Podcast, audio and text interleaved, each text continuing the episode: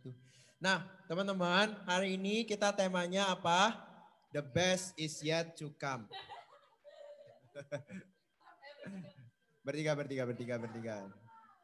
Uh, sebenarnya uh, teman-teman siang sharing, maksudnya aku juga cuma secara garis besar bahwa uh, awalnya aku tuh bingung kayak Tuhan the best is yet to come tuh seperti apa sih? Lalu enak. Gak fokus. Yang benar. Gabriel katanya enak lempernya. Enak banget katanya. Ih, Vian malu-malu. Eh, oke okay, oke. Okay. Eh, ntar dulu ini mau mau mau sharing atau gimana nih? Gimana ya? Gak fokus. Saya. Jadi gini, aku sebenarnya mau sharing tuh gini. Di dalam Alkitab itu, tapi ini but, ini karena pengajaran sih. Eh, ntar dulu. Ini dulu, kalau pengajaran, kalau nggak nggak ada yang denger, nggak kedengeran. Jadi gini teman-teman, di Alkitab itu ada tujuh perayaan besar. Kalau kita baca kitab imamat, kitab ulangan, kitab keluaran, itu ada tujuh perayaan. Perayaan yang pertama namanya Passover. Lalu perayaan kedua ada yang namanya Unleavened Bread, roti tak beragi.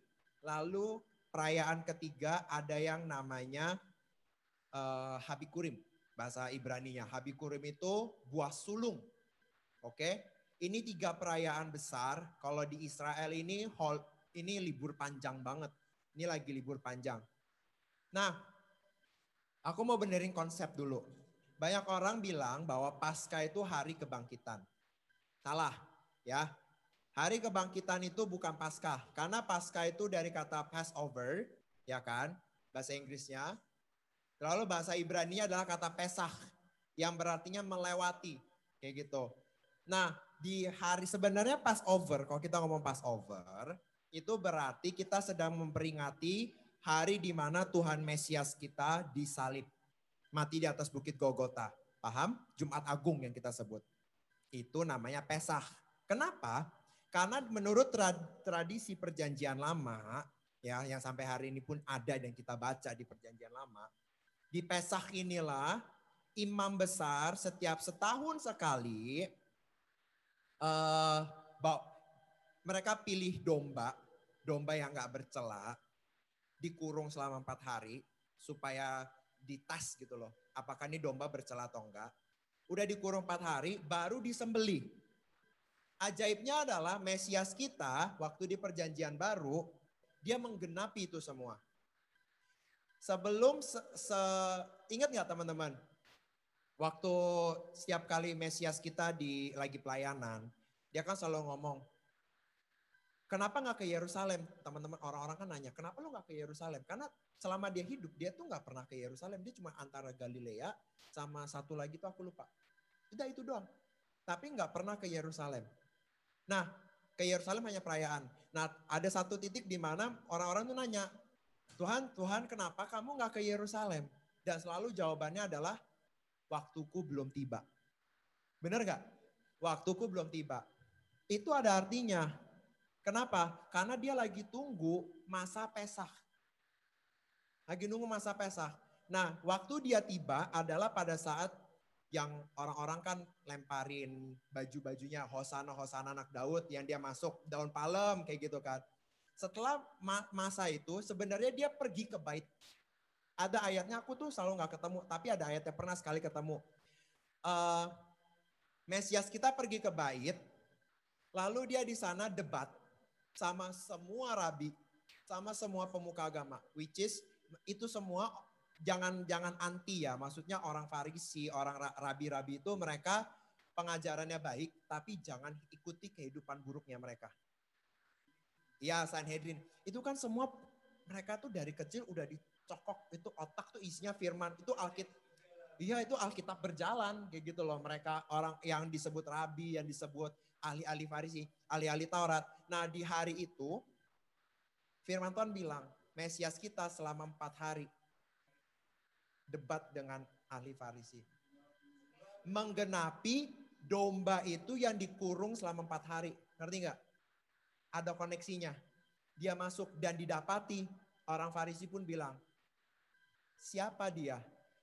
Tidak didapati celah, tidak tidak didapati cacat dalam pengertian firmannya. Jadi ngerti nggak? Kok maka ketik maksudnya gini, so, kenapa harus ngerti gini? Karena biar gini, ketika lu keluar, orang tuh akan nanya, kenapa lu harus percaya sama Tuhan lo? Kenapa lu harus taruh pengharapan lu di Tuhan lo? Karena gue cuma bisa bilang, kalau lu ngerti firman yang perjanjian sama perjanjian baru ini digenapi, tiba-tiba lu bisa ngerti bahwa Tuhan kita itu setia. Dia udah ngomong, even mungkin dia nggak ngomong nih Bapak nih di perjanjian lama harus terjadi seperti ini. Dia cuma ngomong domba harus sembelih. Kita mikir kan, masa zaman sekarang domba harus sembelih, ya kan? Tapi sebenarnya enggak, maksud Tuhan tuh itu blueprint.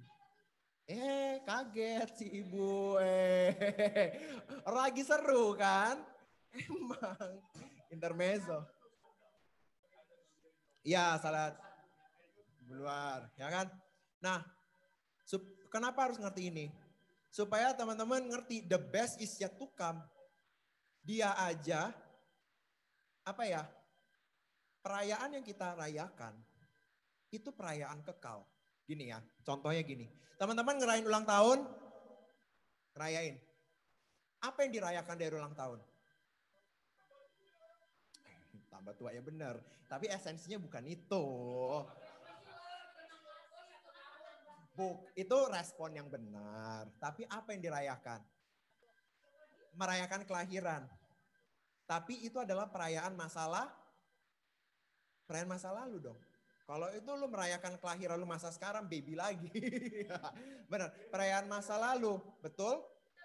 Tapi perayaan pasca, perayaan roti tak beragi, nanti roti tak beragi aku jelasin, itu ajaib artinya. Lalu, kenapa kita rayain Jumat Agung? Lalu kenapa kita rayain buah sulung? Nah buah sulung ini, ini perayaan dia bangkit.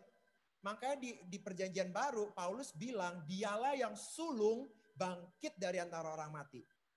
Tangkap nggak? Buah sulung, ya kan? Nah, ini tuh perayaan tujuh perayaan yang di Alkitab itu kekal. Ketika kita merayakan Paskah, kita nggak merayakan kematian dia yang udah lewat.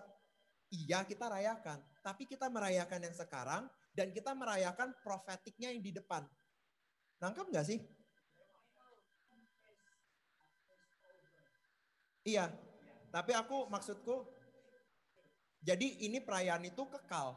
Ngerti nggak? Karena Tuhan kita tuh kekal. Dia tuh who was and is and is to come. Kalau kita ngerayain kita manusia, kan kita nggak kekal manusia. Ketika kita 17 Agustus, kita rayain nggak rayain. Tapi rayain apa? Who was. Tapi nggak merayain who is. Dan nggak rayain to come. Tapi was. Tapi ketika kita merayakan perayaan Paskah, Jumat Agung, dia bangkit, dia maksudnya dia bangkit kayak gitu kan itu semua bicara tentang nanti kita masa depan kita di kerajaan kekal. Karena gini, nah ini kan kita bahas pasca. Teman-teman harus tahu bahwa di pasca orang Yahudi, mereka itu ada yang namanya seder. Namanya seder, itu perjamuan. Jadi semua keluarga duduk di meja masing-masing. Itu ada makanan khusus dan seterusnya. Kok gua?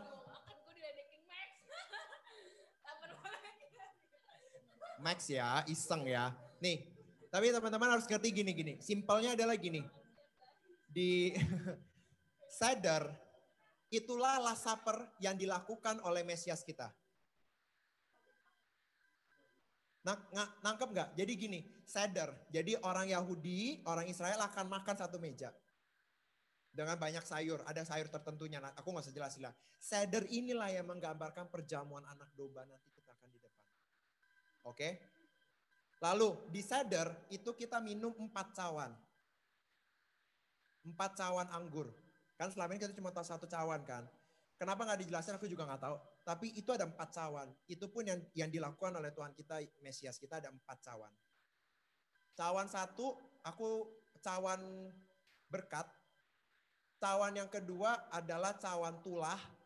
Ini kita nggak minum, tapi kita buang. Karena ini udah diminum oleh Mesias kita. Cawan ketiga ini cawan penebusan, lalu di eh, cawan Elia dan cawan penebusan. Masing-masing semua ini menggambarkan perjalanan penggenapan Mesias kita. Kayak gitu. Ketika tulah, tulah ini itu kan menggambarkan kehidupan kita. Sakit di jiwa, di tubuh. Iya di pastel nggak tahu kenapa itu kamera. Woi, pastel woi.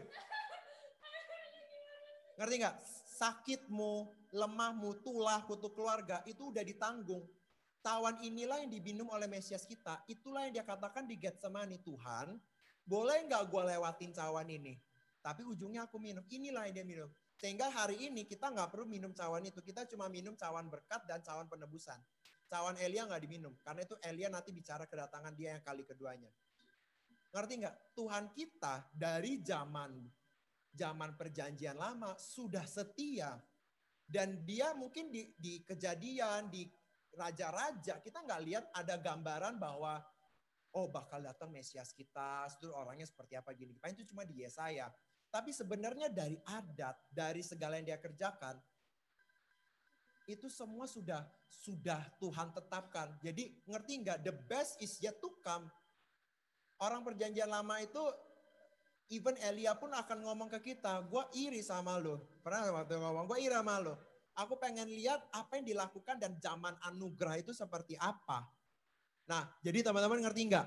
Paskah ini tuh momen di mana kita punya pengharapan yang besar. Nah, terakhir aku menjelasin sebelum kita masuk sharing. Ada yang namanya roti tabragi. Kita tahu namanya hosti. Tapi sebenarnya itu nggak utuh. Karena itu nggak seperti itu hosti itu diambil dari roti tabragi yang namanya matzah. Oke, okay? matzah itu bentuknya kotak. Uh, lalu dia ada banyak bolong-bolongnya. Banyak bolong-bolong atau kayak biskuit, kan ada bolong-bolong kecilnya. Nah ini matzah, itu kayak biskuit, cuma ini tanpa ragi. Karena waktu itu orang Israel harus buru-buru keluar dari Mesir. Mereka udah bake kuenya, tapi karena uh, raginya nggak mateng atau apa, akhirnya kering, jadinya nggak ngembang. Jadi intinya kepeng lah. Nah, matzah itu banyak bintik-bintiknya. Aku nanti kasih share gambarnya di, di grup ya. Itulah melambangkan tubuh Mesias kita yang dia katakan oleh karena bilur-bilurnya kita sembuh. Harusnya aku mau bawa hosti, cuman aku nggak nggak nggak, nggak siap lah, nggak, karena pada tutup toko rohaninya. Ah di sini ada. Oh, ya. Yeah. Yang bulat, bulat tipis putih. Jumat ya. Gak apa-apa. Jadi teman-teman intinya ngerti gini, setiap kali kita ambil perjamuan, itulah tubuh dia. Kenapa matzah itu banyak bolongnya? Orang Israel dulu kan gak ngerti. Cuma ngerti harus dibolongin. Tapi pada saat masuk ke penggenapan kita ngerti. Ternyata itu lagi profetik. Dipaku, disesah. Itu tubuhnya Mesias kita. Nah, pada saat kita makan, kita makan penebusan.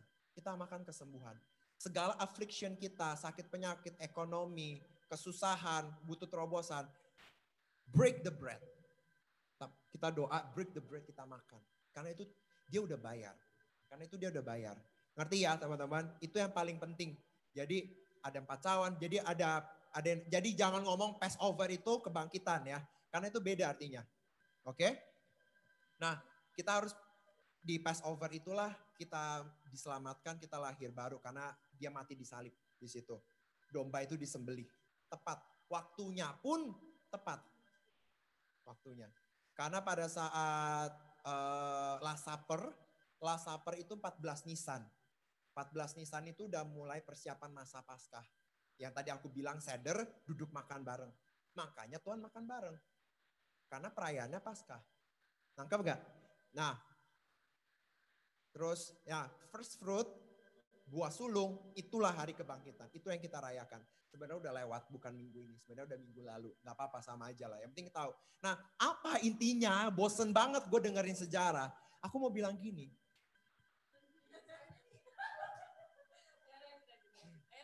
Ya kan? Bosen banget. Intinya apa? Aku mau bilang sama teman-teman tuh gini. He never change. Dia setia sama words-nya. Kalau firman Tuhan bilang bahwa if I speak my words, it won't come void. Ketika firman itu kembali kepada aku, itu tidak akan kembali sia-sia. Itu benar. Kalau Bapak, walaupun di perjanjian lama dia ngomong A, B, C, Nggak mungkin dia dia nelen ludah dia sendiri dengan membatalkan itu semua. Enggak, enggak, enggak. Kayak gitu. Jadi maksud aku adalah gini. Ada pengharapan. Kayak gitu loh. The best is yet to come. Hari ini kita ngerayakan yang lalu, yang sekarang, dan yang akan datang. Kita duduk di sini, kita berdoa, kita sembah Tuhan. Karena kita lagi ngeliat ada sesuatu yang sedang terjadi di depan. Tangkap? Kayak gitu. Itu sih yang aku bisa sharingin dari tentang pasca ini. Jadi ada tujuh perayaan yang sudah digenapi dari tujuh ini sudah tujuh, udah tiga, eh empat, udah empat atau tiga aku lupa digenapi. Yang tiga perayaan lagi ini nanti ini lagi on the way kita akan melihat Tuhan akan datang kali keduanya digenapinya di sini. Nah, bacalah firman nanti aku share ayatnya ada tujuh kayak gitu. Jadi di masa pasca ini ketika Jumat Agung, ini masa peperangan. Yang berperang bukan kita, tapi yang berperang Tuhan. Ingat kejadian di Mesir? Itu kan peperangan. Bagaimana sebuah bangsa harus keluar dari penjajahan. Istilahnya penjajahan. Israel dijajah. Iya dijajah, walaupun tinggalnya di Mesir ya. Tapi kan waktu itu Firaunnya udah udah beda orang, rajanya udah beda orang, jadi dijajah lah istilahnya. Oh, udah udah pasca pertama karena mereka keluar dari Mesir.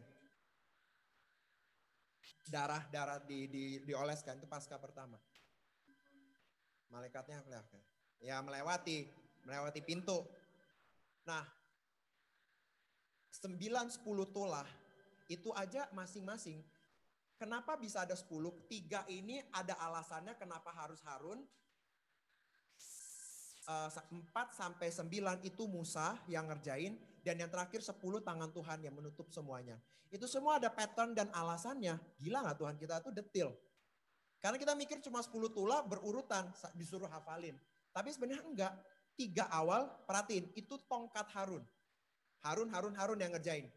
4, 5, 6, 7, 8, 9 itu tangan Musa yang teracung. 10 tangan Tuhan sendiri. Tangan Bapa di surga sendiri yang beresin semua dengan iya, dengan matinya anak sulung. Itu udah pukulan terakhir. Ujungnya yang berperang siapa? Bapak.